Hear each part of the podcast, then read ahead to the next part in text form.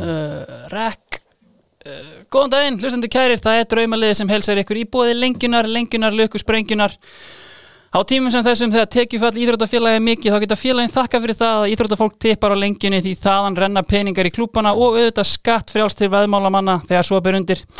Sessjón Kraftbar, bjórskólinn í miklum endurbótum og ég get ekki ímynda mér hvað sem mikil veist að það verður þegar þeir opna aftur. Nú svo er það White Fox og Skruf þeir svíkja engjan á COVID-tímum lang bestu nikotín kottarnir hann í dag Butt með bakið Skruf Jú uh, fjárþarman.is Gilsarn er að koma öllum í stand þó að sporthúsið sér lokað. Menn æfa bara heima. Gleisir gín, uh, nú grunnar með að fólk liggi bara heima í gíninu, hvort sem er í létt gíninu eða öðru, ekkert betra en gott gínglas fyrir söfnin, já, eða bara hvenna sem er. Og svo er það auðvitað Súta upp Reykjavík sem er að klæða upp þjóðina, voru að taka Rikka G. Kongin, í gegnum daginn sá ég í samstöru við Rúri Gísla, Gleisir unnanda og velunara og eiganda en talandum vel klæta einstaklinga þá er viðmælandi þáttarins eitt svo best klæti á landinu og þótt víðar væri leitað Hann er framarað upplægi en er þó öllum líkindum þekktast fyrir að hafa spilað með nágrannafélaginu þrótti í laugadalunum. Það er endur alls ekki satt í að öllum líkindum er að þekktastu fyrir störf sín utan knafspinnunar en viðmælandin er stórtækur á sviði mannréttinda og diggur þjóttur réttarins þegar menn telja á sig sér brotið.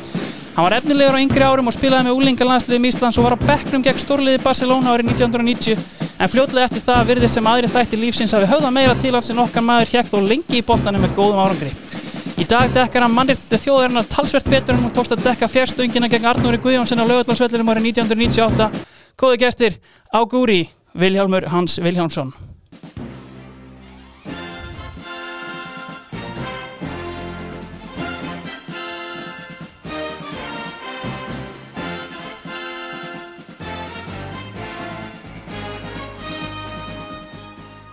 Blæsaði Vili.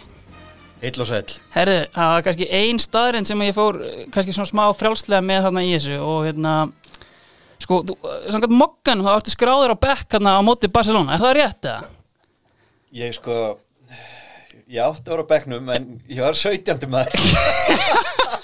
Hitt hefði verið miklu betra sko. Já, já, anskotin hafið Þannig að þú hefur ekkert komist í hérna návist uh, góðsagnana hérna, látur upp stöðskof og kráifarans og Jú, jú, ég, ég var þarna og þetta var nú allt svona mjög frjálslegt á þeim tíma. Þeir æfðu bara upp á gamla framvelli sko Já, og voru bara þarna innan um okkur Já, og ok. í gamla framheimilinu í Samýrinu og, Já. út á velli og, og Kræf Uh, satt upp í framheimili og rekti og talaði við Dóra Dunk og Olla og Gilva Orra og Óla Orra og Já.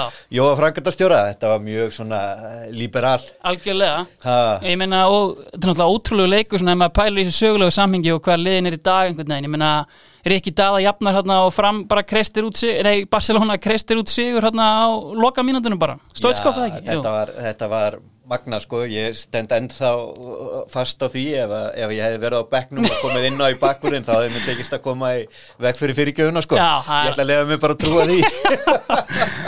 Herðu, uh, Sesson Kraftbar, þeir eru í endurbótum á staðnum sínum og þetta verður ekkit eðlilega fallegt rýmið þegar þeir mæti þarna aftur. Sko, Vili, ég spurði þið aðeins svona í hvaða leikmannahóp var blöytasta stemming svona hjá þér á, á ferðinum? Var einhver svona, veist, einhverja minningar sem poppuð upp á einhverjum sérstökum tímabilum?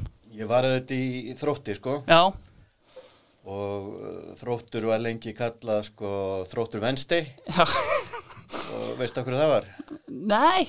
Nei, það var sem sagt eini dagurinn sem að leikmennu voru edru sko, það var á mögutug og ég held að þróttur hafi svona fengið þessa nafngift sko, ég held að það fyrst tengst handbóltanum Já, þegar ég er auðvitað alveg upp í þessu hverfi, ég bjóði í sólheimunum fyrst og svo í laugarásnum. Mm, þannig að það kom ekkit annað lið til greina heldur en þróttur á þessum tíma og ég var bæði handbólta og fótbólta mm, í þrótti og hérna svona framan af.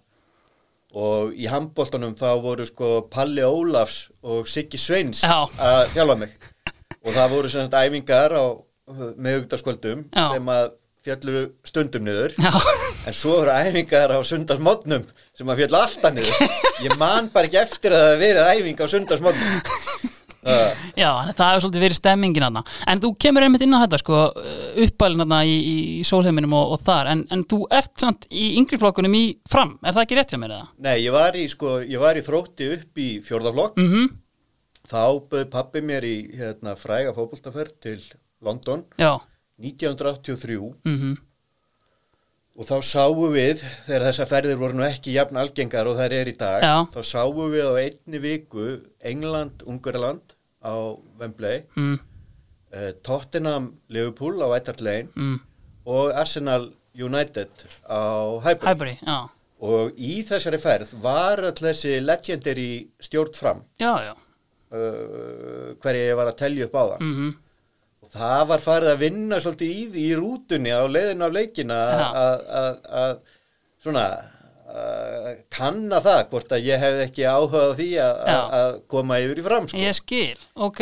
En eh, sem að ég skil nú ekki dý sko því að ég var ekkert uh, sérstakur þarna á, á, á, á þessum tíma en ég nokkuð tíman sko. Mm, en það endaði síðan þannig að ég fer yfir í fram mm, í, hérna, í fjórðaflokki mm, þá á eldra árinu í fjórða. Ok, ok. kem þar inn í frábæran hóp sem Mhm. að hérna, Steina Guðgis, Rikki Daða Anton Björn uh, Pétur Martins, Pétur Martins Gústi Gilva Mhm.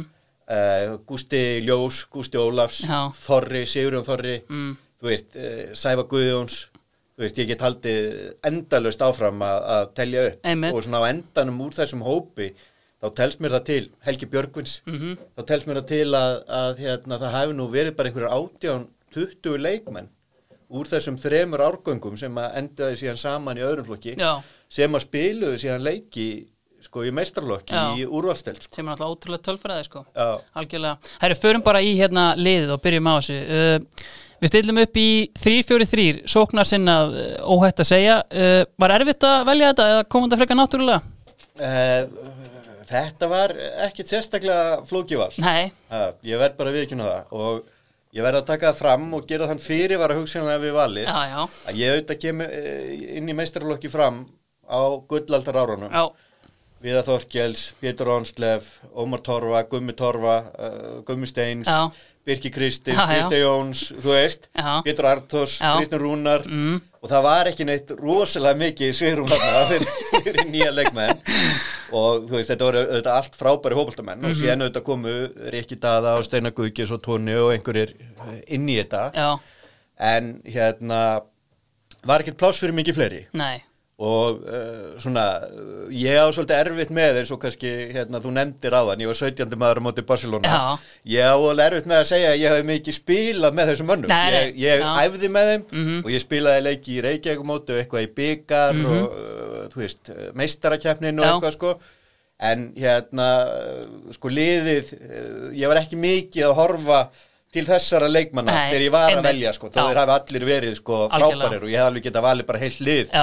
af þessum mönnum einmitt, nákvæmlega. Herri, ef við byrjum þá bara á markmanninum sem er í bóði Gleisirgin. Uh, Gleisirgin elskar markmenn, bæði þunga og stóra markmenn sem taka gynisitt í ríkinu en líka þessar léttu markmenn sem eru góðir í löppunum og vilja alltaf vera on-it og þá eru þeir í létt gyninu sem er í melabúðinni 2,1% áfengi en stórkostætt bræð. Og margir markmenn sem kom til greina hér? Já, það voru tveir sem komið til greina Mhm. en ég hjó strax eftir því að þú segir að Gleiskirkinn nefndir ekkit þeir elskuðu sköllóttamarkmenn Gera þið það? eða? Já, ég hef haldið það þó að- þó að Rúrik séu þetta vel hærður Já, en ég þarf þá kannski að skipta sko, Nei. ef að Gleiskirkinn elskar ekki sköllóttamarkmenn Jú, jú, jú. þá kemur þessi markmaður ekki greina sem að ég valdi sko. jú, jú, þeir gera það líka, þeir elska velhærða og sköllóta markmenn, þannig að það er alveg, þú veist, alveg fair play play þar, sko. Já, já, nei það voru tveir sem að, að koma helst til greina Mhm. Já, og hérna það var uh, Axel Gómez já, og það, er, uh, það var Fjalla Þorkis mhm, báðir frábæri mark, markmenn ólíkjur þetta og sinn hátt mhm.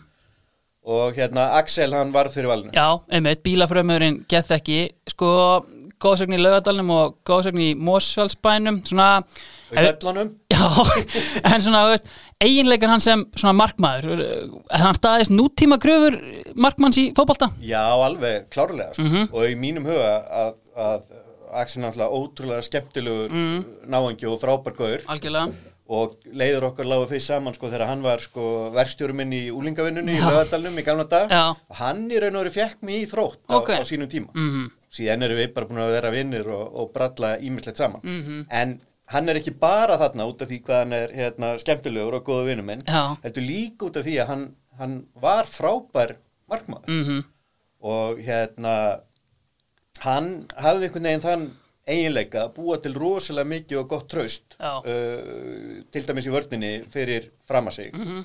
og svo var hann bara hérna drullu góður Já. hann var þetta þannig að þú veist, einu svona ári þá fekk hann á sig eitthvað skítamark sko, en það var þá bara þannig og. Já, já. og, og menn tóku því Algjörlega. svo var með annan sko frábæran einleika Já, og það var það að fara í grenjandi rigningu út í eitthvað drullu svað í hvítu markmannsbúningi og koma sko í honum tandur reynum tilbaka eftir leikin og ég veit ekki ennþá hvernig hann tókst þetta algjörlega Sko, ef við förum aðeins út í hérna og nefndir, þuldir upp hérna langan lista af leikmönnum áðan Sko, skiluðu sér einhverju titlar í hús þarna í yngri flokkunum með þetta ótrúlega lið? hjá fram Já, Já, við unnum allt hana Já. í, í þriðja og öðrum flokki sko. mm -hmm.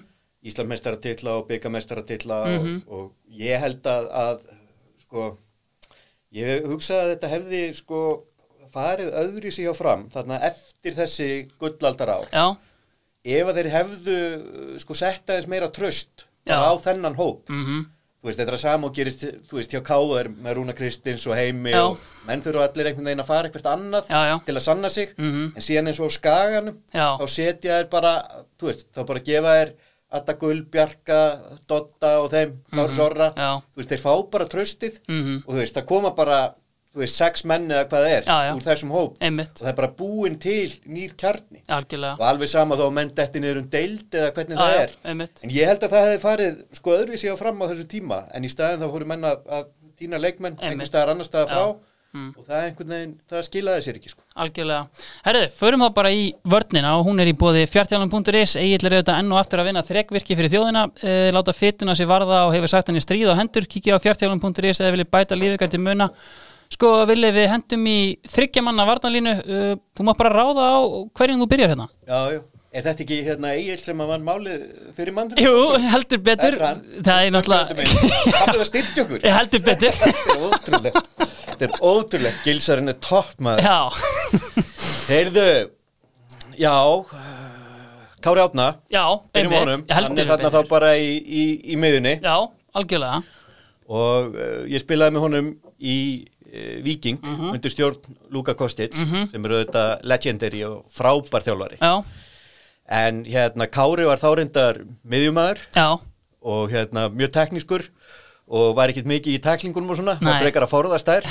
En hann bara einhvern veginn gjör breytti sem leikmaður Já. og endaði sem þessi grjótarði varnarnagli sem hann er í dag og auðvitað bara legendary leikmaður. Mm. Og þegar maður hefur hort á ferilin hjá Kára og, og, og farið á þessa landsleiki og farið á Európa-kefnina og uh, farið á Ísland-Argentína í, í, í Moskvu Já. þá er auðvitað ekki tækt annað heldur en að setja Kára þarna. Nei, nákvæmlega og einmitt sko, ég hef fengið Kára einmitt í þáttinn sko, hann talaði um hérna enn tíma hérna þegar Lúka var að þjálfa annað og á þessum árum er hann kannski hann fer þarna og, og sleppir leikjum til að fara í útskriftaferðina sína og annað og kannski ekki endilega á þeirri vegferð sem að hann síðan endaði, sástu þetta eitthvað fyrir að hann myndi hérna ná þessum árangri?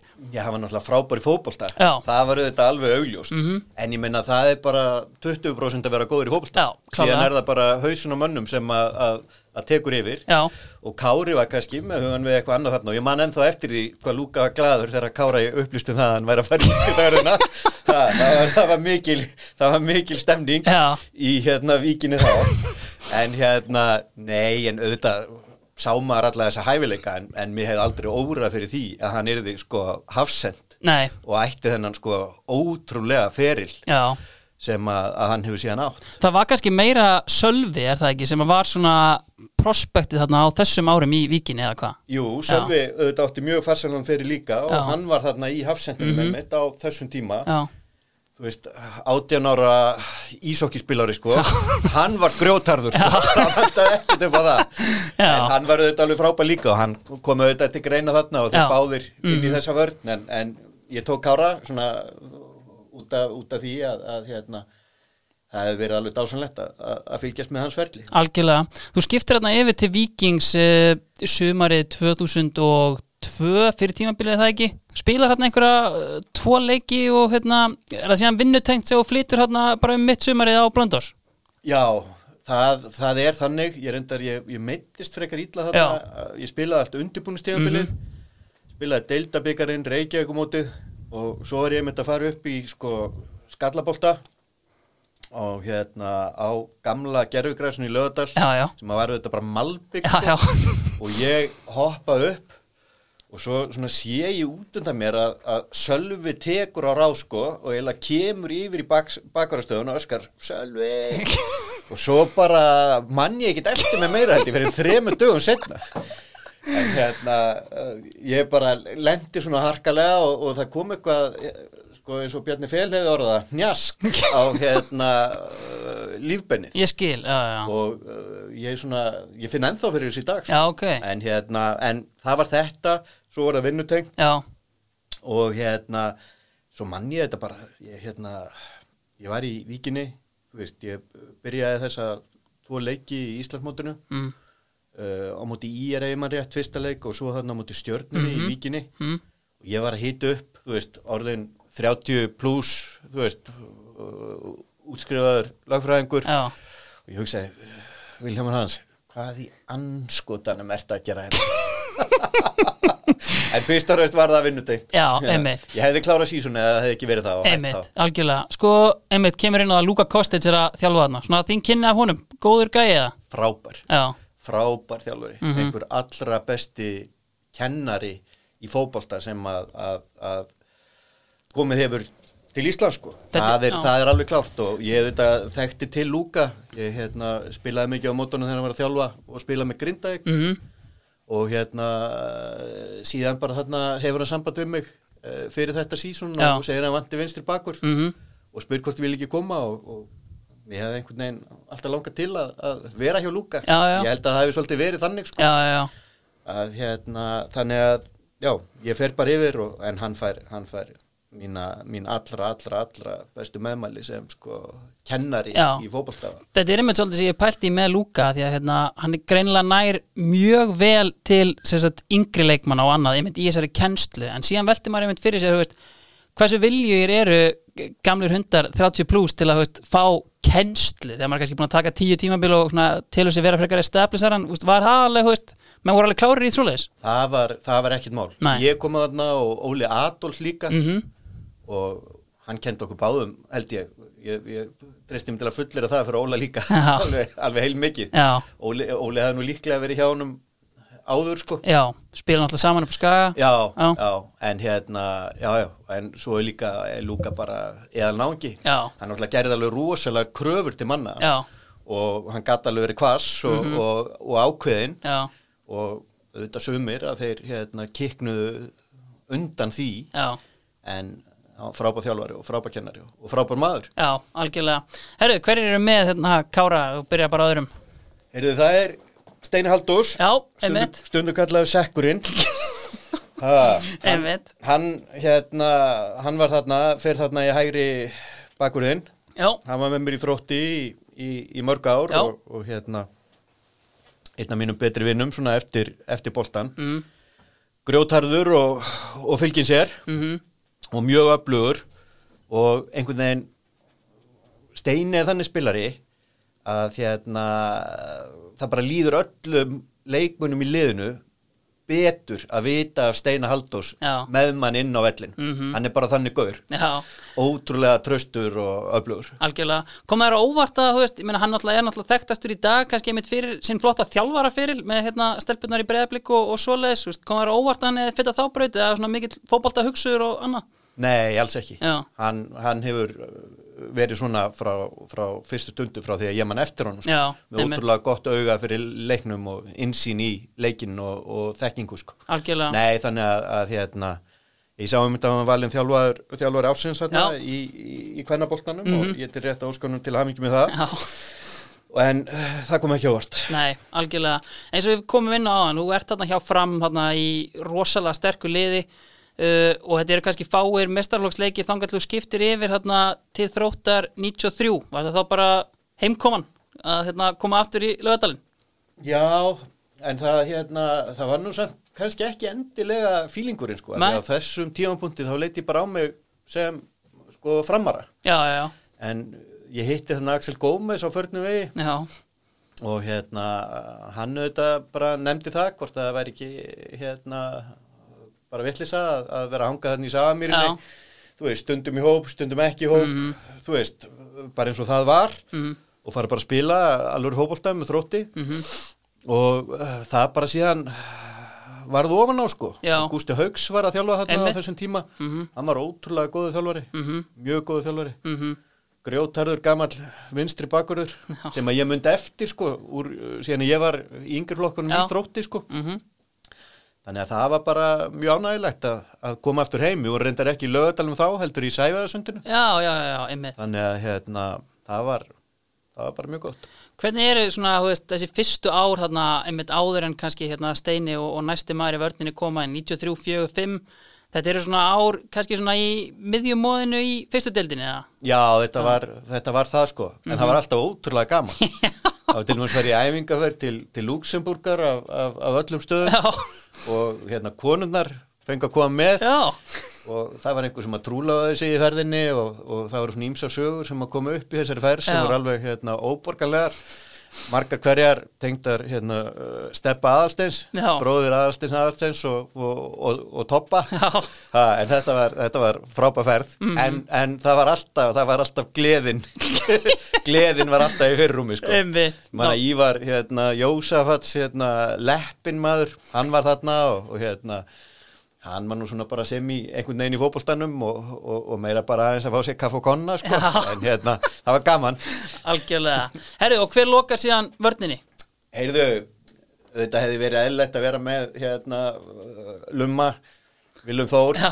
á miðjunni, sko, Já. Mhm. en hérna, hann spilaði þarna aðeins í vörninni hjá okkur, bæði hægri bakvörðunum og eins í, í, í hafsendinum. Einmitt, Þannig að það er Viljum Þór Þórsson legendið sem að hérna lokar þarna vörninni með Kára og, og Steina Haldós algjörlega. Hann kemur einmitt þetta með Steina 96, þá er þetta þú veist, Steini náttúrulega búin að spila með KR og FH Willum með breyðablík og veist, og eins og ég á, þetta er kannski svona búið að vera ákveðið svona miðjum og þú veist, var mikið liftistöng fyrir klubbin að fá þessa tvo gæja inn? Já, það gefur bara auga leið að fá tvo mikla vinnara inn í hópin Mm. og menn með þessa reynslu sem að, að þeir voru með Mhm. það er þetta bara gjör breytir öllu sko Já, En það er ágætt saga hérna því við erum að tala um hérna, Lumma og, og, og Steina og Já. við vorum hérna á æfingu í, í Sæfaðarsundinu sko á malarvellinum sem er nú meiri svona grjót hnullunga uh, völlur sko já, og hann var frosinn þarna á þessum tíma, Já. var einhvern tíman í apríl eða eitthvað mm, og uh, Willum hann var svona, uh, var svona freka pyrraður og fannst þetta ekkit ganga alltaf vel og menn ekki vera að nýta besta kostin Já. þekktur frasi í honum. En besti kosturinn var í vilt þannig að maður átti þá að senda hann. Og svo sendi Steini boltan á hann eitthvað svona rétt fyrir framann hann og, og hérna, og Willum næri ekki boltanum og svo gerist þetta aftur og þá hérna stoppar hann þá stoppar hann hérna æfinguna og segir Steini út að sendi í lappinnar á mér, út að sendi í lappinnar á mér reyndu bara að hreyfa þig þarna hlungur þinn, segir Steini. Og þá hérna er, viljum ekki skemmt og segir ja, þú, þú ert rekin á æfingu Þorsteinn, þú ert rekin á æfingu. Farðu bara heim, nei ég er ekki að fara heim ég er að fara í vinnuna, þú ert rekin í vinnuna. Þannig að Þorsteinn Halldórsson þjálfari ásins Já. hann er eini maðurinn held ég fótboltamaðurinn í Ísland sem hefur verið rekin í vinnuna ég held að hann hefði bara farið í vinnuna ég held að hann hefði ekki það já, nei, nákvæmlega. Sko, ég mitt kem inn á þetta, sko, þeir koma 96, Willum tekur síðan við liðinu 97, er það ekki? Jú, Jú. jú. Það var sem sagt, hérna, Gústi Haugs var með okkur þarna 96 ef, ég, ef ég mann rétt. Já, og þá náu ekki að fara upp nei, sem að var þetta gríðarlega svekkjandi. Mm, mann eftir því að, að hérna, við vorum að fara að spila í Skallagrím. Já, og ef við hefðum klárað hann leik að ná játteifli þá var þetta næstu því komið sko. Já, og þá var það nú svolítið þróttara fílingurinn sem að greipa yfir. Já. og menn ákveða að vera með sko skrúðgöngu úr hérna fyrir leik. Og mikið hullum hæ úr sæfiðasundinu og Já. niður í Já. og svo algjörlega drulluðum á baki þessum leik sko og töpuðum hérna 2-1 sko. Og Gústi fer til Norex að þjálfa eftir þetta. Mhm, og stjórnin svona uh, kemur að máli uh, við okkur nokkra og spyr hvernig okkur lítist á Willum. Mhm, við okkur leist bara frábælega það. Mm Mhm. tala meðal annars við mig, Steina og Axel. Já, og hann er síðan bara í framhaldinu uh, ráðin sem, sem, sem uh, þjálfari sko. Og, og það var frábær ákvörðun sko. Fjallar einmitt kom inn á, eh, Fjallar Þorgis kom þáttum til mín og hann kom inn á svona, þú veist, að það hefði verið mjög svona skörp skipti þegar Viljum fórum til að vera leikmaður í það að verða þjálfari og svona, þú veist, þá er ekkert elsku mamma lengur, hérna, neitt. Var það svolítið keisið? Aldrei elsku mamma já, já, já, lumma sko, aldrei nokkuð tíma og, og hann líka trýtaði leikin og, og sjálfnaði sig með þeim, með þeim hætti sko. Já, einmitt. Hann sagði einhvern veginn um mig hérna, Vili, veistu hver er besti þjálfari sem ég hef haft? Ég sagði nei, nei það er átni indriða í handbóltan hjá gróttu. Já, ég sagði af hverju? Já, sko, hann gerði mig að, að mjög góðum vardamanni og veist hvernig hann gerði það hann lefði mig standa í markinu og stóð síðan tvo metrar frá mig og dundraði með boltum. Þetta fannst Willum bara alveg æðislegt. Og síðan sko fylgir söguna. Einar Baldvin svonur sko hérna átna sagði mér að síðan fyrir hérna, nokkrum bara dögum síðan þegar ég hitt hann á, á, á Kaffi Vest Já, að sko það var hans skoðun að Willum hefði átt að vera sko vardamar ársins í hérna úrvarsteildin í handbólta á þessum tíma. Já, já, og hann sko yfirgaf HSI-hóið þegar Geir Sveinsson var valinn besti vardamar hann var ekki sáttu við þetta Nei, kallinn sko. einmitt, ég trúi því. En síðan einmitt, hérna, þið farið upp 97 uh, Þá hérna, einmitt, uh, búinir að gera allegu hérna 96 uh, Hvað þið, þú veist, var eitthvað svona styrkið ykkur sérstaklega fyrir 97 tímabilið eða, var bara komið að þessu? Það er bæði það, það var komið af þessu. Þú veist, við vorum búin að spila þarna margir saman, lengi. Mm þú veist, Steini Halldórs, Willum, Palli Einars, Ingvar. Já, og svo koma náttúrulega menn hann eins og Siguraki og Heiðar Helgusson einmitt. Mann nú ekki nákvæmlega hvernig hann kom, hvort hann kom árið áður. Já, 95 held ég, já, ég man það ekki, en hann allavega, þú veist, var púpa þegar hann, þegar hann kemur frá. Dalvík sko, Mhm. og, og hérna og springur út þarna á, á þessum árum svo voru þetta alltaf með Sigga Hall sem Já. er alltaf að setja hann Já, á til. Já, já, þannig að hérna, ég held bara að það hefur verið komin tími uh, á þetta og, og þetta lið þannig 97 var alveg, var alveg frábært lið. Algjörlega. Sem og liðið 98 Mhm. þú hefum ekki náða að hanga í deildinni. Já, en einmitt er það ekki 97 sem að hérna, gullfóturinn uh, Lúli Jónasar kemur inn í hópin líka? Uh, Var það ákveðin liftistöng? Já, já, heyrðu, já, Lulli Jónasar og það er Dervit Já, hann kom reyndar Já, hann kom árið eftir. Já, já, já, Já, Lulli Jónasar hérna, kemur Já. og, og hérna og það var mjög gott Já. að fá hann í vördina sko Mhm. mjög öflugu varnamaður og, og, og mikill, mikill keppnismæður Já. sko. en þarna á undirbúinstíðanbylunum mann man rétt að þá hérna fyrir við æfingaferð til Manchester já, legendary æfingaferð og ég var nú þannig á þessum tíma að ég var nú bara að stúdera mína lögfræði í háskólanum og svo var ég í mitt var held ég formaður stúdendar á þetta ár. Mm.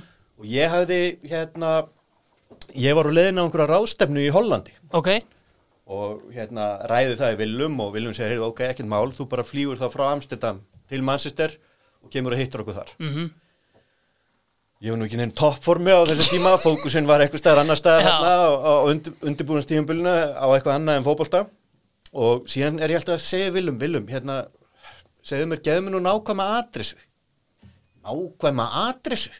Við erum að fara hérna til Manchester og dveljum hérna í höfustöðum Bobby Charlton School of Excellence. Ég segi, já, en mér líður nú betur að vera með einhverja adressu. Þú þarft enga adressu, þú segir bara Bobby Charlton og þeir bara keira þig beint þangað. Já, Svo lendi ég á flugullinum í Manchester ég held ég að vera sko þrjá, fjóra klukkutíma í leigubíl sko og skipti sko, ég held ég að þurft þrjá leigubíla þangað til þeir fundu þetta Já. þá komuðu þetta í ljós að þetta verði ekkert inn í Manchester sko, heldur bara nálat Oldham og hérna í einhverjum gömlum heimaðust Já. skóla sko og hafði ekkert með Bobby Charlton annars eða Excellence að gera sko nei, einmitt. Herðu, uh, höldum þá bara áfram og vippum okkur upp á miðjuna, eða kannski fyrst á þessum nótum uh, þinn maður, Egil Einarsson, hann hefur verið að velja svona, að fá menn til að velja harðasta leikmannin sem þið spiluðu með. Egil þetta hefur hert upp þó nokkra íþróttamenn sjálfur, eignast til dæmis Aron Pálmarsson og annað, en er einhver svona sem að standa upp úr hjá þessum hörðustu leikmannin sem spilaði með á ferðinum?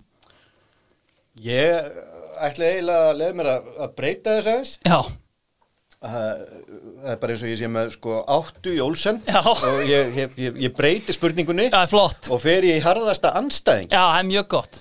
Og hérna uh, ég held að það sé Dín Martin. Það er Dín Martin, já, hann er enda glerharður. Dín Martin var á þessum sko árum, það voru hann að spila í Káa Mhm. alveg grjótharður og ótrúlega erfitt að eiga við hann. Já, og þegar við hittumst á vellinum þá var það bara stríð sko. Já, og hérna, þú veist, það var hérna þú veist, einhvern tímann að þá var ég að reynsa og hann bara kasta sér fram sko með andlit og endaði að dundri andlitið á hann skilur veist, það, var, það var hrækt og klipið og slegið og, og öllum, öllum bröðum veikt sko. Og svona var þetta í einhver tvö ár hann þegar hann var í, í, í Káa sko. Mhm. og svo var ég einhvern tímann stattur á, á Astro Já, og hérna, þú veist, það, þú veist, þetta var bara stríð sko, Já. þú tókst ekki hendur eftir leiki og ekki neitt sko. Og hérna, þá var, þá var nift í mig og þá var það dín sko. Já. og þá byrðað mér á, á, hérna, á barinn og við tókum 1G og T Gleisier var reyndar ekki Nei. komið þá en, en hérna, það var eitthvað annað sko. Og hérna, við tókum einn hérna, drikk saman og upp frá því að þá hérna heldum við áfram að, takast á Já. en með meira civilist hætti ég sko. skil, já, Já. já, einmitt En hann fór síðan hérna í, í, hérna, í Skagan og, og við heldum áfram að spila á móti hverjum öðrum sko. Algjörlega. En, en hérna, það var ekki þessi óþöraskapur sem hafi verið áður sko. Algjörlega. Herri, við færum okkur upp á miðjuna, miðjan er í bóði uh, White Fox og Skruf uh, Vilja, þú mátt bara ráða hvar þú byrjar hérna í þessari fjaramanna miðju Já, ég ætla bara að byrja í nútímanum. Já, Byrja bara fyrir tveimu vikum með manni sem ég valdi sko í liðið en hef samt aldrei hvorki hérna, spilaðan í æft fótboll. já, já Það er Emil Hallfræðsson. Já, einmitt En við áttum eins og að sko stórleik saman í hérna Verona Já, fyrir tveimur vikum Já. á hérna frábærum veitingastað og vínoteku sem heitir uh, Antica Bottega del Vino mm, það var bara óglemalegt kvöld og ekki síðar, uh, síður daginn eftir þegar við fórum hérna og skoðum víneikru mm, að hérna, þetta var alveg hérna, þetta var alveg frábært kvöld þarna og, og þetta kvöld tryggir bara Emil Hallfriðsinni sæti í Draumaleginu, já, sko. ég meina það er bara eins og það er. Þetta, eru, þetta er lið drauma og það er bara flott að hérna, fá þetta. Sko, einmitt, og var fyrsta skipti svo hittir Emil hann núna? Nei, nei, nei, nei. Við, höfum, við, höfum, hérna, við höfum hist áður en við vorum búin að ákveða og höfum gert langa atreinu af því að hittast á Ítalju Mhm. Ég hef mikið verið í söðrinu í Napoli Einmitt. og hann er þarna í, í norðrinu sko og við vorum búin að plana einhver nokkur skipti sem að, að hérna, gengi ekki upp einhver hluta vegna, Mhm. hvort sem að var hann eða ég Mhm. Og svo var ég bara þarna núna í oktober og, þá, og hann ringdi í mig og sagði mér sko, heyrðu, nú hérna, gengur þetta ekki lengur, þú bara kemur hérna á, á, leiðinni heim og, og við tökum hérna dinner, dinner saman sko. Og við, þetta- við, við gerðum það Mhm. ég ætla að segja með Emil Já, þú veist, hans ferill og það sem hann hefur gert á Ítalju 300 leikir þú veist, það sem að flestir eru í serju A, Mhm. tæpur sko 200 Mm. Og, og eh, restin þá í serju B og einhverju nokkri leikir í serju C Já.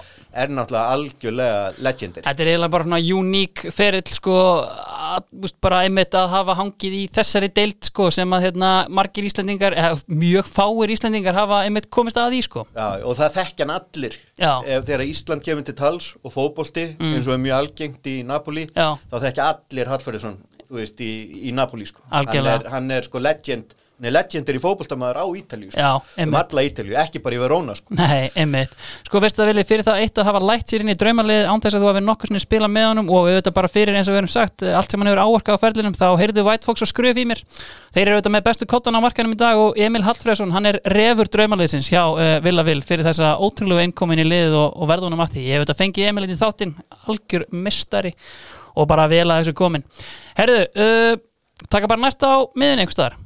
Já, við skulum, við skulum, hérna, við skulum taka næst á miðinni en áður verði ég að, að því að vorum að tala um Lúla Jónasara Já, og hérna þessa ferð til Manchester. Ég verði að taka eina sögu Endilega. sko, frá Manchester. Já, að hérna, við fengum að, að fara út á lífið þarna uh, eitt kvöld. Já, og fórum uh, í miðborg Manchester. Þarna frá Oldham eða hverja anskotanum sem við hérna gistum. Já, og einhverja hluta vegna þá enduðu við saman sem sagt, uh, eftir að liðið hafi borðað saman þá heldum við áfram ég, Axel Gómez Einar Örn uh, Lúli Jónasar. Já ég, já, ég held að þetta hefði bara verið svona bara, bara við fjórir. Mhm, já. og hérna og við erum á, á, á, á röldi þarna og leðin á einhvern, einhvern nætuklúb eða þar að segja sko diskotek. Já, og ég sá einhverja frængur þarna sem ég vildi endilega tala við. Já. þannig að ég dregst aðeins aftur úr sko. já, og á leiðinni, það var röðin að hennan klúb og á leiðinni þá hitta þeir hérna Curtis Fleming já, og hvort hann heitir Derek White Já, sem voru í, já, sem voru í millispora einmitt. og hérna þeir fara eitthvað að tala saman og Axel og Einar fara eitthvað að ljúa því að, að þeir hafi verið sko træjal hjá tóttina og hérna þá eru þeir bara hérna, bestu félagar og. Lulli var í leðubuxum og ber á ofan og leitu þetta út og lítur út alveg svo Duncan Ferguson. Já, já. Þannig, að, hérna, þannig að þeir fara bara með Curtis og, og, og Curtis Fleming og, og, og White fram fyrir röð og, hérna, og ég er svona einhvers stær í humatt og eftir þeim, kannski svona 50 metrum á eftir. Þeir fara bara beint inn og hérna svo kem ég uh, lappandi þarna að dýravörðunum var að þetta koma þarna beint að þessari stúdendarástöfni í Hollandi og Já. ekki búin að æfa mikið. Og ég segi um, I'm with them.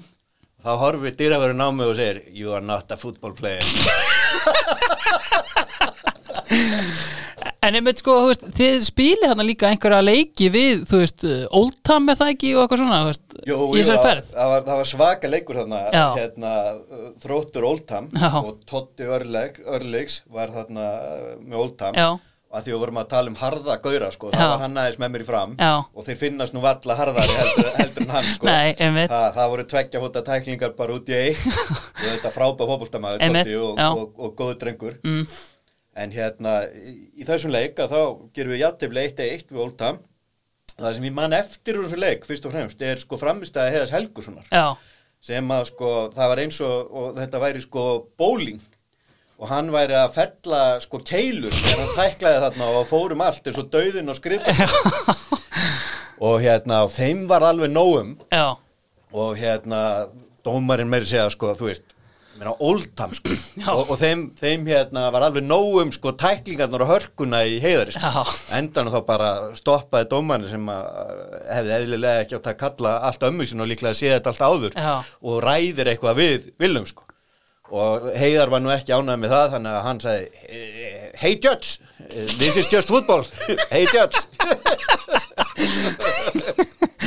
Einmitt, Dalvíkingurinn knái. Já. Ef við kannski bara taka hann hérna næstan inn á miðinni, fyrstu við erum að tala um Heiðar Helgusson já, var ég með heiðar á miðunni Já, hann er hérna einhvern veginn út á kantinum Já, já, ég, hann spilaði stundum að sko hæra megin já, hjá okkur sko. Mhm.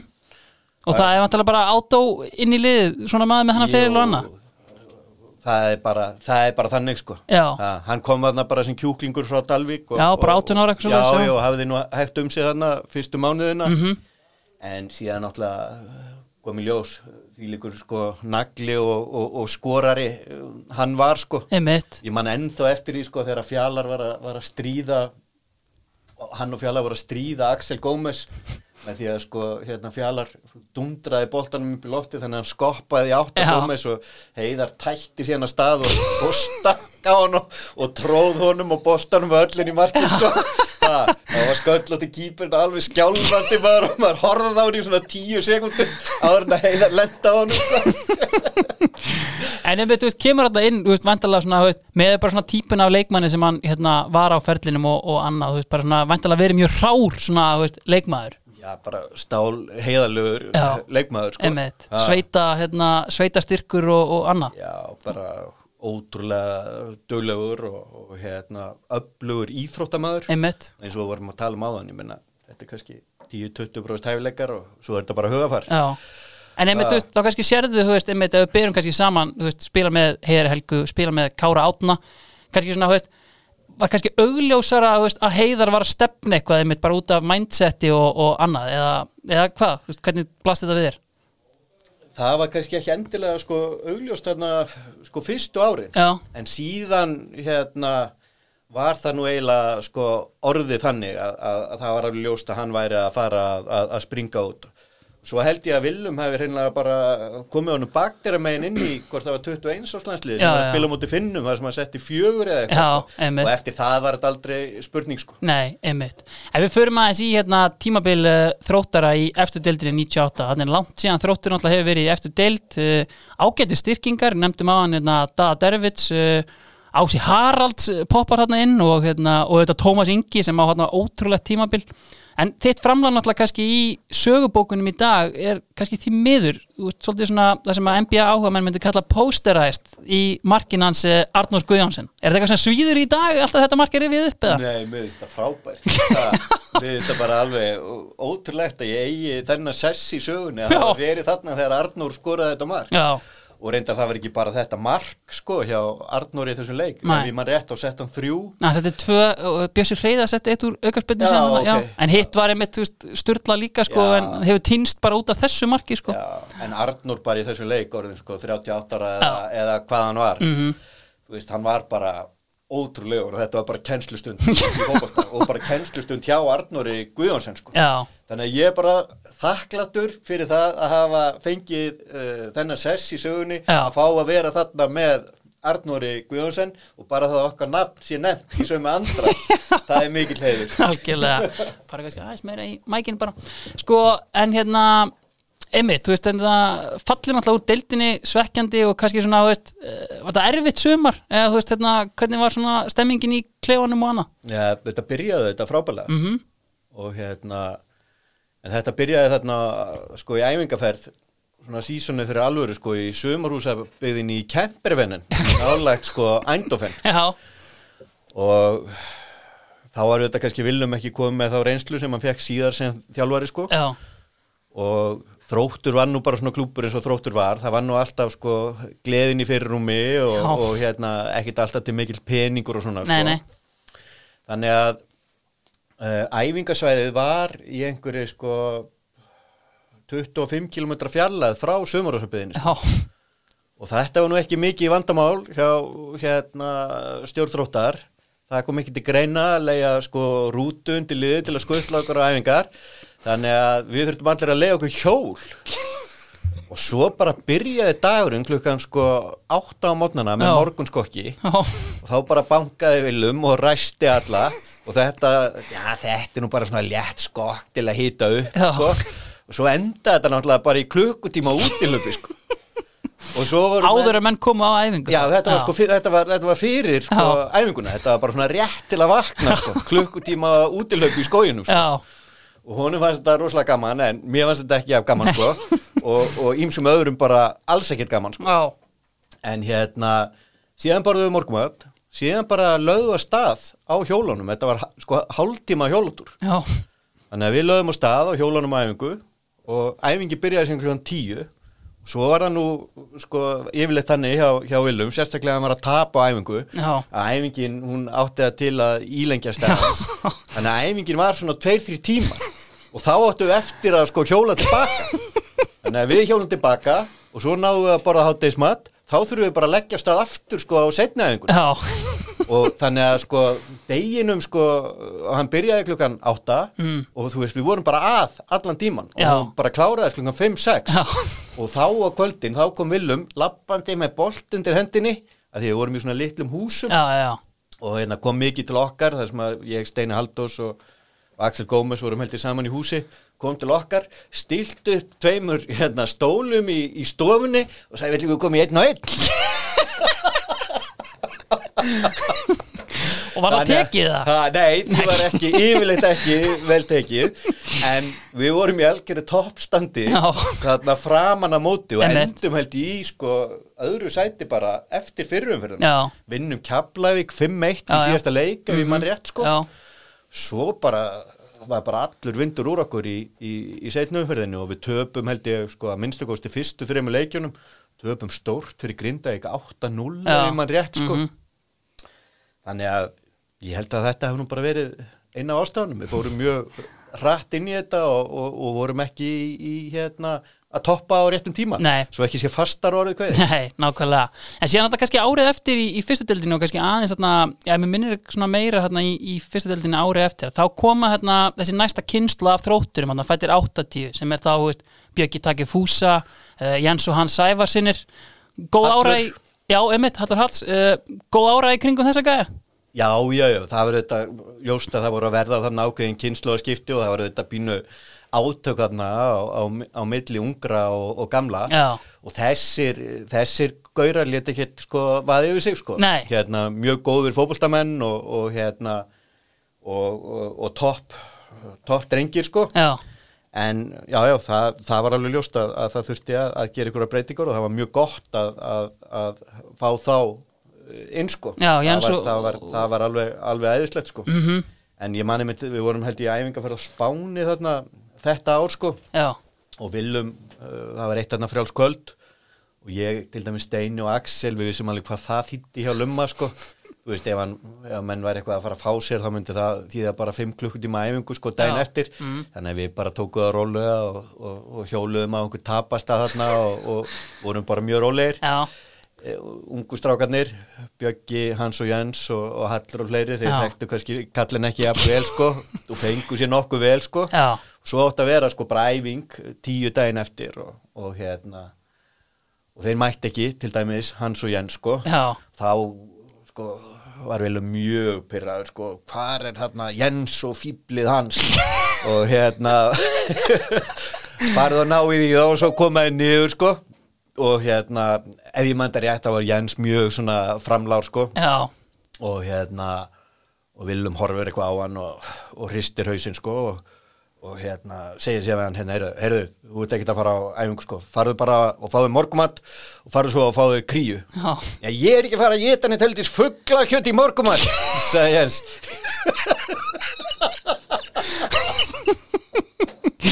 Já, einmitt, nákvæmlega Sko, en er það ekki síðan líka um þetta leiti sem þú kannski svona sameinar knattspyrnuna við lögfræðina þegar þú ferð þarna í ákveðna hagsmunagæslu fyrir þróttarana í kringum Elton John tónleika Jú, það passar Manstu passar. hérna einhverjar eftirminnileg atvik frá, frá þessum tíma eða? Já, ég, ég, ég man eftir þessu hérna, Tryggvi Geirs frábæri formaður þróttar, formaður aðalstjórnar Mm.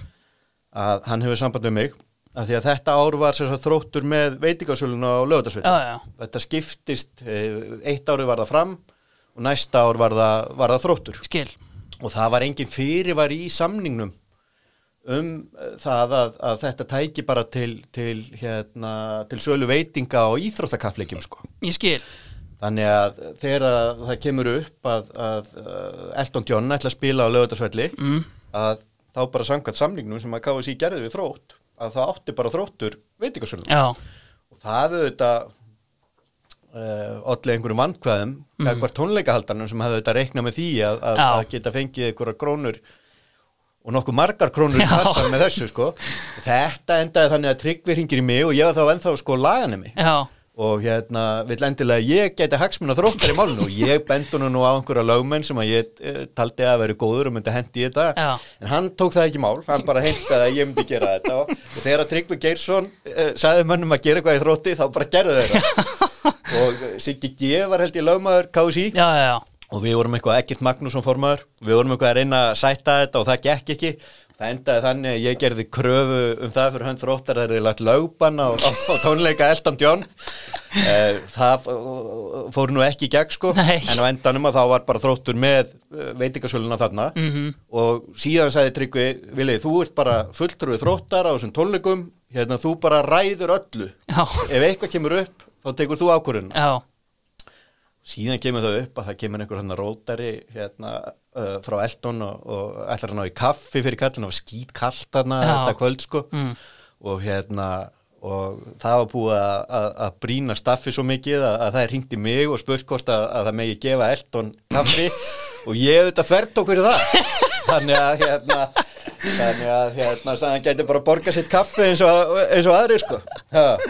In the wind og allt það nei, nákvæmlega. Herru, eigum við þá að bara halda áfram hérna með liðið? Eða kannski við vendum hvað okkur aðeins í kross hérna og förum í þann verst klædda frá ferlinum. Sko, Sútöp Reykjavík eru með bestu sérstninu jakkafötun á landinu og ég hvet allar til að dressa sig upp hjá þeim fyrir jólin. Ömulegt að vera í einhverjum svona Michael Jordan-esk jakkafötum yfir hátíðunar villi og þetta mikill smekk maður á klæðaburð og hérna var einhver leikmaður svona sem þú mannst eftir sem að hérna, og lest reglulega heila fyrir lélegan klæðaburð á leikmannaferlinum Nei, ég ætla kannski aftur að fá aðeins að- breyta spurningunum sko. Já, já, þetta er þinn var þáttur. vest klættur á æfingum Já, flott og hérna, það er nú bara eitt sem að kemur sko sérstaklega upp í hugan þar að það var á einhverjum þessum árum að, að hérna, ég held að það hefði verið sko 97 eða 98 Mhm. þá hefði Viljum Þór fengið gefins í einhverju svona bólapartíi hérna Aquarius æfingabuxum, hvítar og Willum hann æfði í þessum æfingabuxum sko allt sísón og hann skildi þar eftir eh, niður í þrótti á milli æfinga Já. og þvoði þar aldrei í sko þrjá eða fjóra mánuð og einhvern hluta vegna þegar þú varst að nefna þetta við mig að þá kom þetta upp í, í, í hugan sko. Þannig að Viljum Þór fær titilin, titilin sko, vestklætti leikmaðurinn á æfingu Já. fyrir það að vera í þessum ógeðis buksum í, í þrjá fjóra Mér sem að fekk gefins Já, mér líst mjög vel á það. Viljum þó til hamingi með það. Og Egil Hjás út af þú bara heyrir í honum og, hérna, og við skoðum þetta mál. Herru, tveir menn eftir á miðunni þú mátt ráða bara hvað þú tekur næst. Bjarki Gunnlaugs? Já, flott, Ha. einmitt Bjarki Gunnlaugs, við hérna leiður okkar lágu saman í, í hérna fyrst í undir 16 ára landsliðinu og síðan í undir 18 ára Mhm. eða þeirra beggja bræðra mm og þá er auðvitað staðan svo að þessar æfingar, landslýsæfingar þeir voru alltaf um helgar Já. og það var æft sko bæði laugardag og sunnudag -hmm. og þá er náttúrulega bara Akarnes nánast já, blankt í, í, í burtu frá Reykjavík og Akureyri sko. Já, já, þannig að þegar að tipparnir komu í bæinu æfingar að þá gistu þeir alltaf uh, hjá mér já, já. ég bjóð þarna í, í laugarásnum og við mm röltum síðan saman á, á æfingar sem voru síðan niður í, í laugadal sko. Mm. þannig að okkar vinskapur hann í raun og veru hófst þarna á, á, á þessum árum sko. Mhm. hvort að þetta er þú veist 1986 eða 87 Já. eða, eða hvað það er sko. Mhm. og hérna ég spilaði síðan með uh, Bjarka og þetta Arnari líka bæði í, í já, þarna á bæði í Európukefni á móti Svíum Já. í uh, undir 16 og síðan uh, í, á móti Ísrael í átján og einhverja fleiri leiki algjörlega en náttúrulega veist, við getum auðvitað bara að tala um þá báði einu frábærir- já. frábærir hérna fótboltamenn Mhm. og ég leiði mér að fullera það að ef að sko Bjarki ef einhver hefði átt að segja því að setja hann strax inn á miðja miðjuna í því hlutverki sem hann endaði síðan hjá. Já, já, þá hefði Bjarki orðið sko einn allra besti hérna fótboltamaður sem að- Ísland hefur alið, mm. -hmm. náttúrulega þetta mjög góðan og flottan feril, en ef hann hefði farið fyrr í, í þessa stöðu Já. og kannski bara verið að spila í dag veist, þá hefði, þá hefði þetta verið alveg stórkoslegt sko. Þetta er einmitt að þú kemur inn á að þið eru saman hann í yngri landsliðinum og hérna svona í minni vegferði þessum þáttum hafa ég komist að því að þessi bræður hafi verið bara algjör undrabött sko í knattspyrnu og ég meina sem dæmi um það, ég meina þeir eru fættir 73, þú ert fættir 71 og þeir eru saman í landsliðinu Al, algjörlega, sko. og þetta var algjörlega óþekkt á, á, á þessum tíma sko. En svo var náttúrulega þetta síðan ruggl í gangi sko, sem að var á, á, á, á Íslanda þessum tíma og bytnaði illa á Arnar og Bjarka og Andra Sigþós og Gumma Ben Já. svo ég nefni einhvern nöfn sem ég mun eftir sko. mm. það sem ef að menn voru góðir sko, og þau voru í þriðaflokki þá voru þeir að spila sko, í þriðaflokki, öðrum flokki fyrsta flokki, Já. meistaraflokki Já. og mæta á æfingar í öllum þessum flokkum sko. já, Þannig að þú veist, þessi snillingar sem að Arnar og Bjarki eru og þessir frábæri fótboltamenn Mhm. þú veist, á sama tíma og, og, og, og þú veist, þeir eru að æfa og, og spila með meistarlokki þá eru þeir líka held ég að æfa með öðrum flokki hjá, hjá IA og hlaup ykkur úti hlaup á mannbyggi sko. Einmitt, sko þetta, förum þetta, þetta kalla ég að kasta uh, perlum fyrir svín Já, alveg klárt mál. Sko við förum bara í hérna úlingalandsliðin og hérna, þessi áþú, þó nokkra leiki hérna með einmitt eins og segir, U16, U17, 18 og 19. Sko ég sé hérna einmitt, þú minnist á leiki við Ísrael, þetta er eitthvað mót sem þið spila hérna og fá hérna til dæmis skella á móti Portugal. Var það eftirminnilegu leikur það? Já. Við, við spilum, ég man ekki hvort við spilum við Ísrael. Já, allavega, þetta er allavega eitthvað mjög stórt mót. Já, þarna. mótið er sko Ísrael. Já, já, já, já. og hérna það var farið reglulega á þetta mót á, á þessum tíma Ok. Það að segja átjónara, átjónara landslið Já, og við spilum hann við Svíja já, þá var í sænska liðinu uh, Patrik uh, Andersson, Andersson, já, hann var, hann var fyrirlið en hann var þá inn á miðunni sko. Ég, ég man ennþá eftir í hvað hann var góðu sko. spilum við Rúmena uh, spilum hann síðan í Európa-keppnin á undan við Íra. Já, og svo spilum við þennan leik við, hérna, við Portugal. Já, og þá voru þeir held ég hvort þeir voru orðnir heimsmeistarar í þessum aldursflokki. Verða það held ég árið eftir. Þetta, þetta er bara gullkynnslóðin hjá Portugal Já, sem er þarna sko. Og ég var að dekka hérna Sá Pinto. Já, og hann var þá, ég man ekki hvort það var í Sporting eða Benfica, Mm. en hann var allan að sko orðin byrjunarliðs maður þar Já. á þeim tíma, Já. þú veist 17 ára já, hjá Sporting sennilega já, hann var fyrirlið þarna í þessu liði Mhm. og hann setti þrjú í þessu leik og ég vissi ekki hvort ég væri að koma eða fara sko. ég átti ekki breyk sko. En ef þú voru, maður stætti fleiri mann Ég veist, jafngamall þér er sko Luis Figo og hérna Rui Costa ári yngri til dæmi sko Já, þessi gaurar voru allir þarna sko. Þetta, var, þetta var þetta lið Ég man einhvern tímann þegar ég fór yfir þetta á sínu tíma Þú veist, þá sá ég einhverja sko 5-6 gaurar sem voru síðan á einhverju stórmóti sko, úr, úr þessum uh, aldursflokki sko. Já, einmitt Nákvæmlega Herðu, hver, hérna, hver lokar síðan miðinni hérna hjá þér?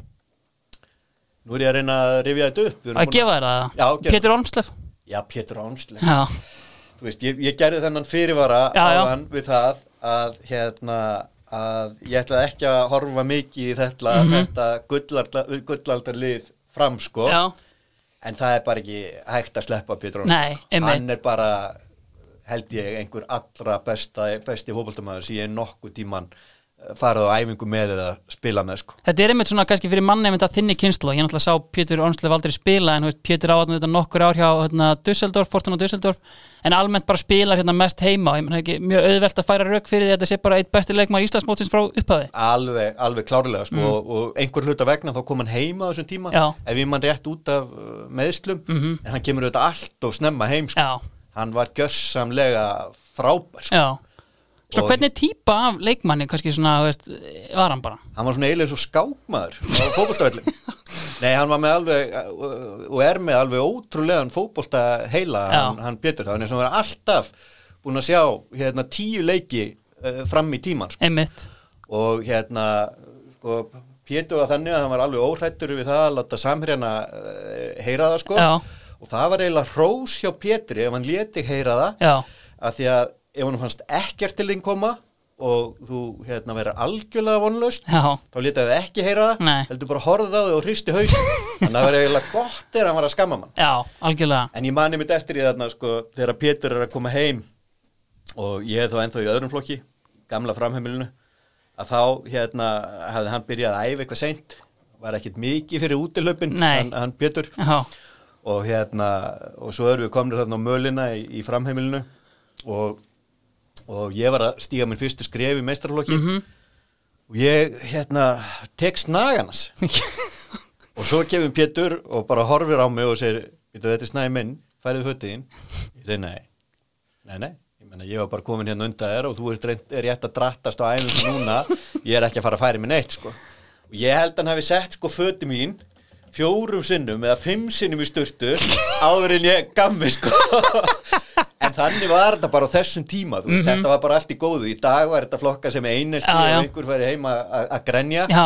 en þú veist, þetta var bara respekt sko. En var hann einmitt, þú veist, svona eins og kemur inn á kannski svona, var stjörnu ára yfir hann minn í var Nei, svona, alls ekki, Pétur algjör eðal náðum sko. Einmitt. en hann var bara svo hrikalega góður í, í, í, í bara, hérna, eins ég, eins og ég þú veist, það var bara ekki hægt að sleppa honum úr þessu liði þó að ég hafi reynda sko. En hérna, sem minnum og eitt sko, hérna, Geri Elvar auðvitað þjálf okkur Einmitt. hérna á, á, á þessum tíma Mhm. og hérna voru svona æfingar á, á veturna í hlýðaskóla innanúsæfingar, innanúshópolti og þetta var svona nokkuð veginn frjálst hvort að menn myndu mæta eða ekki. Það var svona mælst til þess að menn myndu mæta kannski á tværa, fjórum Mhm. en það var ekki, það var ekki, það var ekki mætinga skilda sko. Og hérna en við mættum nú samt þarna yfirleitt sami kjarnin og hérna á einhverju æfingunni þarna þá vorum við mættir ég, Gumi Steins, Pétur Onslef Viti Þorkels held ég, Steinar Guðgeis og hvort að Riki Daða var eða tóni eða einhver. Já, já. En þú veist, þetta voru kannski svona 8 til 10 kallar sem að mætta á þessu æfingu. Mm Mhm. þá koma þarna tveir einhverjir, einhverjir strákar inn, einhverjir menn. Mm. og hérna tala ekki íslensku og, og hérna segja bara býta, fótbolti, við erum komin inn til að spila fótbolta. Og við bara segjum já en er, er þið ekki eitthvað að villast? Þetta er svona æfing hjá fram og eh, nei, nei, nei, nei, nei, nei hérna eh, Eliasson Eliasson sagði okkur að koma. Og við bara horfum hverju annað og svo kemur Geir eftir smá stund og við segjum hérna Geiri, hvað, hvaða strákar eru þetta? Já, ég var nú bara hérna ég var nú bara hérna á eldsmiðinni í gær að kaupa pítsu fyrir fjölskylduna. Þá sá ég þessa stráka og spurði hvað þeir væru og þeir sögust vera frá Brasilíu. Og ég bara, mér dætti í huga að tjekka á þeim. Og gáttu þér eitthvað? ekki nei þetta var típisku geri Já. algjör eðalkall Já, það einmitt. blessu sér minning hans Algjörlega. Sko, áðurum fyrir upp í sóknarlínuna, uh, lengjan hefur verið að spyrja viðmælandur út í eftirminnilegustu leikina. Er einhver leikur svona sem að stendur upp úr hjá þér á, á ferðinum?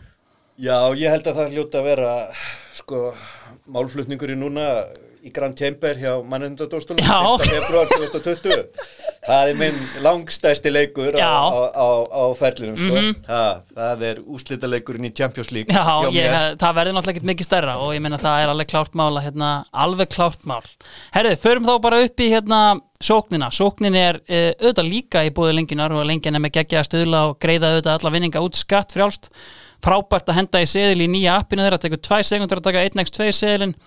Sko byrjum þetta kannski bara á sóknamönnum, við erum búin að nefna Arna Gunnlaugs uh, sem voru nálægt í að komast inn í, að Arna Gunnlaugs í liðinu fyrir geðu, en svona kannski á þennu tökum við næstu tvo einhverja sem voru nálægt í að komast inn í hérna liðið, Já, Tómas Ingi. Emmett hann kemur auðvitað til okkar hérna í úrlasteldinni Mhm. og á þetta alveg frábær sísón Já, já, þetta er, ég held sko, ég hef ekki tekið þetta saman, en þetta hlýtur að vera bara besta sísón hjá strækjar í falliði, bara alveg pottið sko, 14 Já. mörk hérna og ég meina, þú átti ekki að geta fallið með svona mann upp á topp. Nei, nei, það, það, það átti ekki að vera hægt og, og við náðum mjög vel saman og ég laði einhver nokkuð mörg á hann Mhm. Hérna, uh, með einhverjum krossum hérna, þetta sísón svo er bara Tómas Ingi svo ótrúlega skemmtilegu náðingi líka sko, þessu, þessu til viðbútar sko.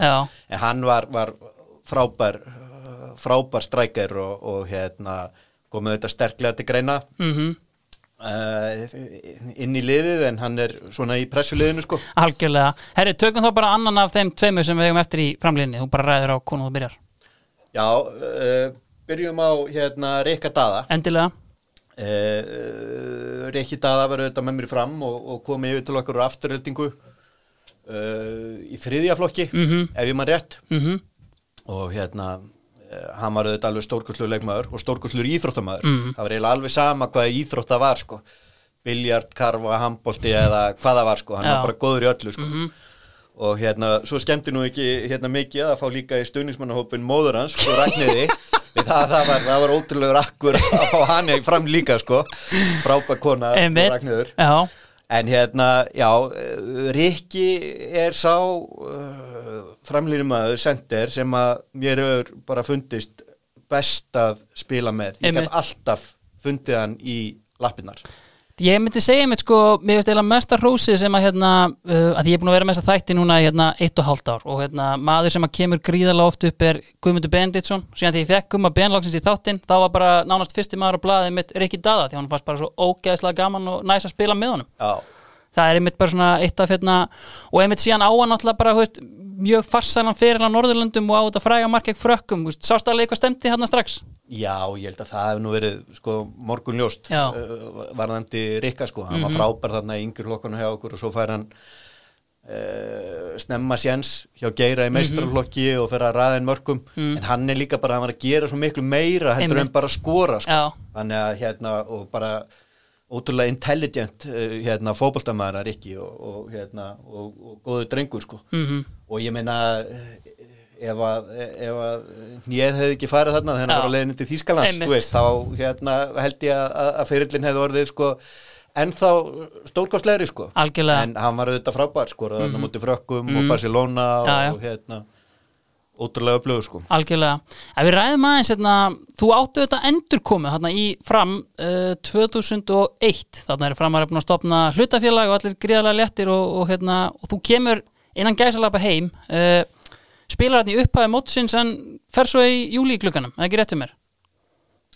Nei, ég kláraði Kláraðir tímabilið? Ég, ég kláraði tímabilið Já. uh, hjá fram sko. Mm en hérna þetta var nú svona einhvern veginn hálf endasleft sko Já, ég hérna kom upp þetta rítgerðarmál hjá mér mhm, í háskólanum, þannig að það voru spyrritið einhvern veginn Já. fór alveg sko mhm, en uh, þetta var ótrúlega gaman og, og, og skemmtilegt sko. Frábæri menn þarna, Valur Fannar og mm Þorbjörn Atli. Já, þú veist sem að báður hefðu auðvitað veskulda það að, að vera í þessu liði. Já. báður mjög góður mhm, ásamt fleiri, fleiri strákum sko. Já, en hérna, já þetta einhvern veginn, uh, þetta gekk mjög vel hjá mér í byrjun en, en síðan bara endaði þetta í, í, í bekkjarsettu með sko uh, litlum eða engum inn á komum sko. þannig að hérna það er ekki náttúrulega vonuð haldur ef ég farið í júli en þannig var það bara. Já, einmitt, en þú veist, einmitt uh, kemur inn á, sko, þú veist hef, ég hef rættið dáðið við einhverja en þú veist, þetta ár í, í hérna, og þessi ár í fram, þar sem að menn eru gríðalega stórhuga að, hérna,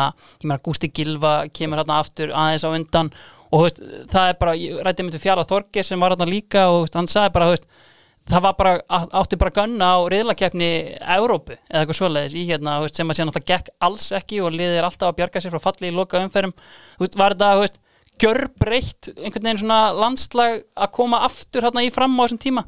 Já, það var það sko. Menn ætluðu einhvern veginn að ná uh, aftur liði eins og var þarna á, á gullaldar árunum. Já, en umgjörðin var bara ekki svo sama sko. nei, það sem var náttúrulega svo uník þarna þú veist, eh, á, á gullaldarálunum hann í kringum, þú veist, 88 til 92 Já. hvað þetta var sko, Mhm. var þetta umgjörðin í kringum Já. framliðið Mhm. það var ekki bara að þetta væri frábæri fótboltamenn Mm. þú veist, frábær þjálfari Geiri El og svo stjórn félagsins það voru bara þarna menn sem að bara gjörsanlega livðu fyrir fram og ég nefndi það uh, hérna áðan og sé ekki ástæði til þess að, að telja það upp aftur Nei, nei.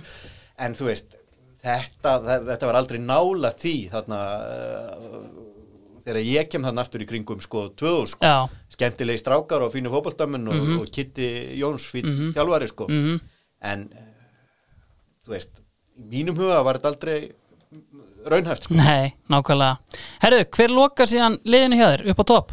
Heyrðu, það er Einar Örn Byrgjursson Algjörlega, ha, einhver, einhver mesti öðlingur sem að hérna, Ísland hefur aðlið þessu sé hérna, einmitt, og það var frábært að spila með Einari. Einmitt. Hann var auðvitað líka svona náttúrbarn eins og var ekki daða í, í, í íþróttum sko, Mhm. en hann var töluvert sko sérhlýpnari heldur en, heldur en eh, Rikki sko, ef það var hægt að fara auðvöldulegina að þá fór hann sko. En hæfileikarnir inn á vellinum voru þetta alveg sko ótrúlega sko. Einmitt. Og bara undrabann í eins og segir öllum boltagreinum einhvern veginn. Já, og svo var auðvitað mjög góður vinnur uh, okkar, Steina og Axel svo við hengum uh, mikið saman sko. Mhm. og ég man hérna, eftir því þegar hann kom inn og fann að spila með Linn í Nóri þá fóru menn að, að, að- heimsækja hann sko. Mhm. og mammans hérna, hefur samband held ég við Axel áður sko og segir, heyrðu, getur ekki hérna komið aðeins við hjá mér hérna, ég er með smá, smá sendingu til hans einas og Axel hann uh, rennir við þarna í fósvæginum á heimilið Heru, þá er þetta sko heil full ferðataska sko með reynum þvotti sko. og við sem sagt förum með reynan þvott til einast til Norex og tökum síðan óreinan tilbaka í, í sérstaklega tösku sko. En þetta er þetta alveg lýsandi sko fyrir, fyrir eh, einar sko. Einmitt, ég sá líka að það var, hérna, var eitthvað aðtök með hérna, bröðristin hans. Já, það var, það var alveg, hérna, það var stórkostlegt líka, sko, þá, hérna, hann auðvitað kunni ekkit að elda og algjörlega vonlu, heimilustörfum og svona, alltaf verið séð bara um þetta fyrir hann, sko, algjörlega. Og hann fer sér undir IKEA og kaupir sér, sko, bröðrist Mhm. og svo, sko, er eitthvað erfitt að setja, hérna, brauðið í ristina, en hann er svona endanum að, tróða því niður. Og hérna, svo fer hann bara í sturtið eitthvað maður og svo er hann bara sírenuvæl svo finnur hann rosalega reykjalitt og sér að það er sko kviknað í brauðristinu og, og þetta var þá slökkuliðið að koma heim til hans Já. sem að hérna, hann heyrið í sko. Og þá kom í ljós að hann hefði sko ristað bæklingin sem að fylgdi brauðristinni með brauðinu og, og, og kveikt í öllu kappinu sko. Algjörlega. Og ég meina það er kannski veist, þetta sem að veist, einmitt, veist, tölum um ótrúlega íþróttamann en fyrst og fremst er þetta bara frábær drengun í þessum mánu 20 ár síðan að tekjum frá okkur og hérna bara minningarna sem lifa eins og þessar. Já, já, það er það sko. Ég, ég hugsa til einast nánar sko á, á, á hverjum degi sko. Og sérstaklega í september þegar hann á ammæli og einmitt á þessum ástíma líka sko. Ótrúlega sorglegt og er nú verið ótrúlegt ótrúlega atbyrðarás en, en hérna, blessu sér minning hans. En hann, hann á sko klárlega heiðursess í, í þessu liði. Já, alveg klálega og ég náttúrulega á risa, nefnt nokkra en á risa þátt náttúrulega í því að þróttur fer hérna upp í eftir deild Já, 97 já, já, Hann, var, hann var frábær það sísón sko, Já. alveg ótrúlega sko. mm algjörlega, herru þá er liðið komið ef við rifum það upp aðeins, þá er Axel Gómez í markinu, þryggjamanna varnalína Willem Þór Þórsson, Steini Haldós og Kári Átna á miðinni Bjarki Gunnlaugs, Pétur Ánsleif Emil Hallfreðsson, Refur Draumalysins og Heiðar Helgusson og frammi eru Rikki Daða Einar Raut Birgis og Arnar Gunnlaugsson. Sko þetta eru 11 leikmennir í draumaliðinu uh, Vili Gleisar Gín uh, svo við komum aftur að þeim, þeir hafa verið að leifa mönnum að bæta við 12 leikmennum inn í lið sem er þá á bekknum og helst hugsaðu sem maður sem heldur upp í stemmingu í klefanum og peppar menn og bara með almennri gleði.